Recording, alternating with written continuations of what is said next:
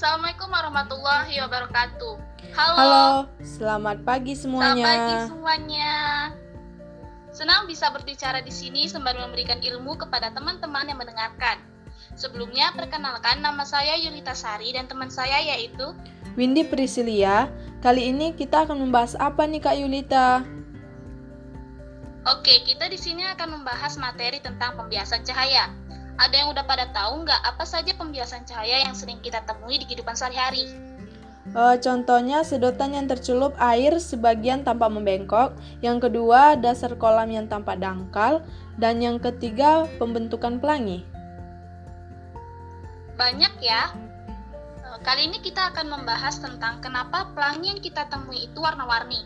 Ada yang tahu itu kenapa? Tenang teman-teman, di sini kita akan membahasnya secara umum. Pelangi muncul setelah hujan atau saat gerimis dengan matahari bersinar.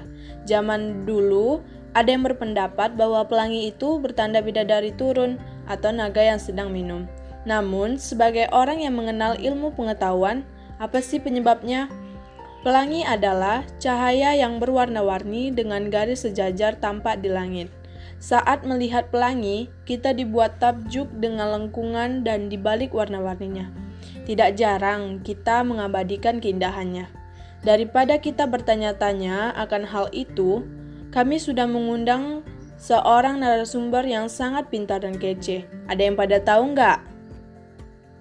Wah, belum nih kak. Siapa sih? Uh, daripada terus bertanya-tanya, kita panggil saja Saudara Nanda Hasbullah Sehab, mahasiswa Pendidikan Fisika Universitas Jambi, sekaligus Ketua Ikatan Mahasiswa Pendidikan Fisika tahun 2020-2021. Gimana nih Bang, pendapat Abang mengenai pertanyaan, kenapa sih pelangi yang kita lihat itu berwarna-warni?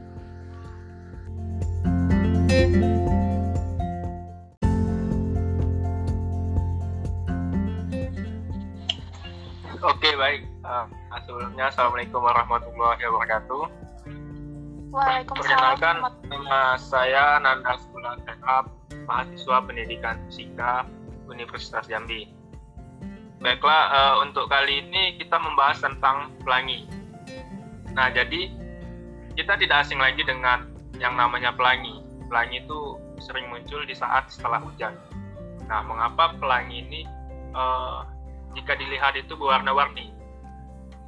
Iya, nah, jadi kita kembali lagi ke pelajaran SMA kita, SMP, pasti sering dengar yang namanya pelangi. Nah, jadi pelangi ini itu tercipta karena adanya pembiasan cahaya. Yang mana pembiasan cahaya ini terjadi akibat uh, benturan dari sinar cahaya matahari ke butiran-butiran air hujan. Nah, jadi secara garis besarnya, uh, yang kita ketahui bahwa cahaya matahari itu mempunyai sifat yang polimikromatik atau terdiri dari banyak cahaya, uh, terdiri dari banyak warna. Nah, sehingga apabila dipantulkan terhadap dengan dibiaskan dengan butiran air tadi, maka dia akan membentuk sebuah warna-warna yang baru. Nah, oleh karena itu, maka pelangi itu tercipta oleh banyak warna.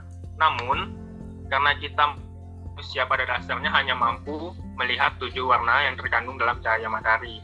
Sedangkan lengkungan pada cahaya uh, pada pelangi itu tercipta akibat perbedaan sudut yang terjadi akibat pembiasan cahaya terhadap air hujan tadi. Nah, oleh karena itu maka kita lihat pelangi itu warna-warni. Nah, itu akibatnya dari perbedaan sudut tadi juga perbedaan uh, spektrum yang terjadi akibat pembiasan cahaya tadi. Nah, jadi begitu teman-teman.